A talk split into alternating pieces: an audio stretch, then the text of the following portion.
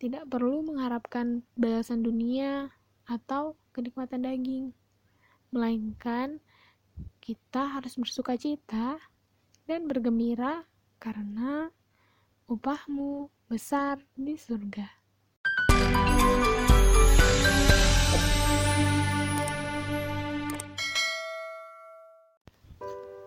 Shalom, selamat pagi Naposo yang penuh kasih. Bagaimana kabar kesehatan rohaninya? Pasti sudah rindu sekali ya mendengar firman Tuhan. Yuk kita berdoa dulu. Bapa kami di sorga, terima kasih atas hari baru yang boleh kami sambut pagi hari ini. Kini kami ingin belajar firman-Mu. Kiranya Tuhan yang berbicara dan mengajari kami dan boleh kami pelihara sebagai pedoman hidup kami. Amin. Renungan kita hari ini membahas tentang menjadi baik. Pernahkah teman-teman merasakan sebuah kebaikan, lalu ingin sekali membalas kebaikannya?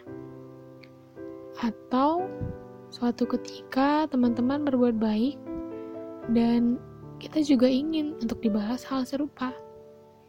Hmm, sebenarnya perbuatan baik seperti apakah yang Tuhan inginkan? Mari kita renungkan. Mari kita baca Efesus 2 ayat 8 sampai 10. Sebab karena kasih karunia kamu diselamatkan oleh iman. Itu bukan hasil usahamu, tetapi pemberian Allah itu bukan hasil pekerjaanmu.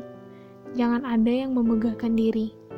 Karena kita ini buatan Allah, diciptakan dalam Kristus Yesus untuk melakukan pekerjaan baik yang dipersiapkan Allah sebelumnya.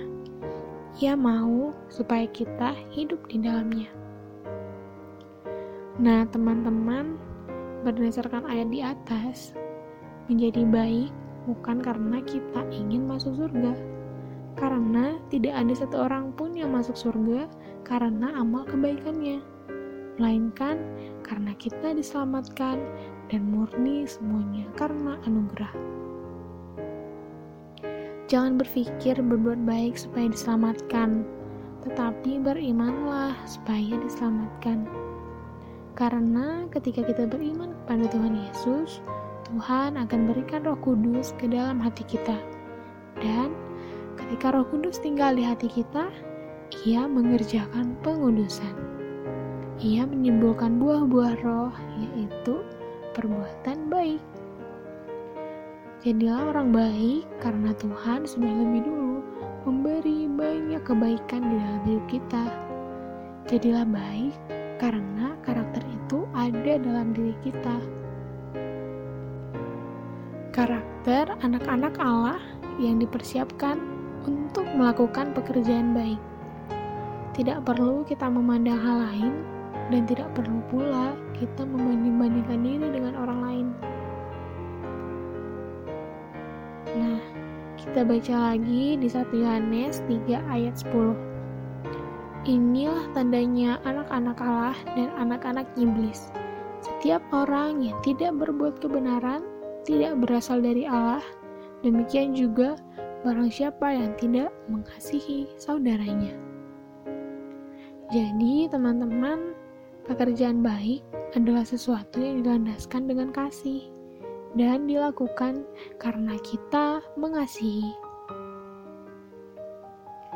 Terakhir, kita bisa buka Galatia 6 ayat 9. Janganlah kita jemu-jemu berbuat baik, karena apabila sudah datang waktunya, kita akan menuai jika kita tidak menjadi lemah. Nah, teman-teman, sahabat rohani, mari kita renungkan kembali ke diri kita. Alasan sebenarnya mengapa kita berbuat baik.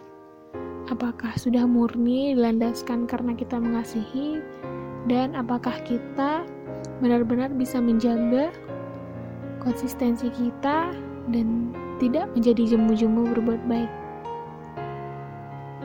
tidak perlu mengharapkan balasan dunia atau kenikmatan daging, melainkan kita harus bersuka cita dan bergembira karena upahmu besar di surga.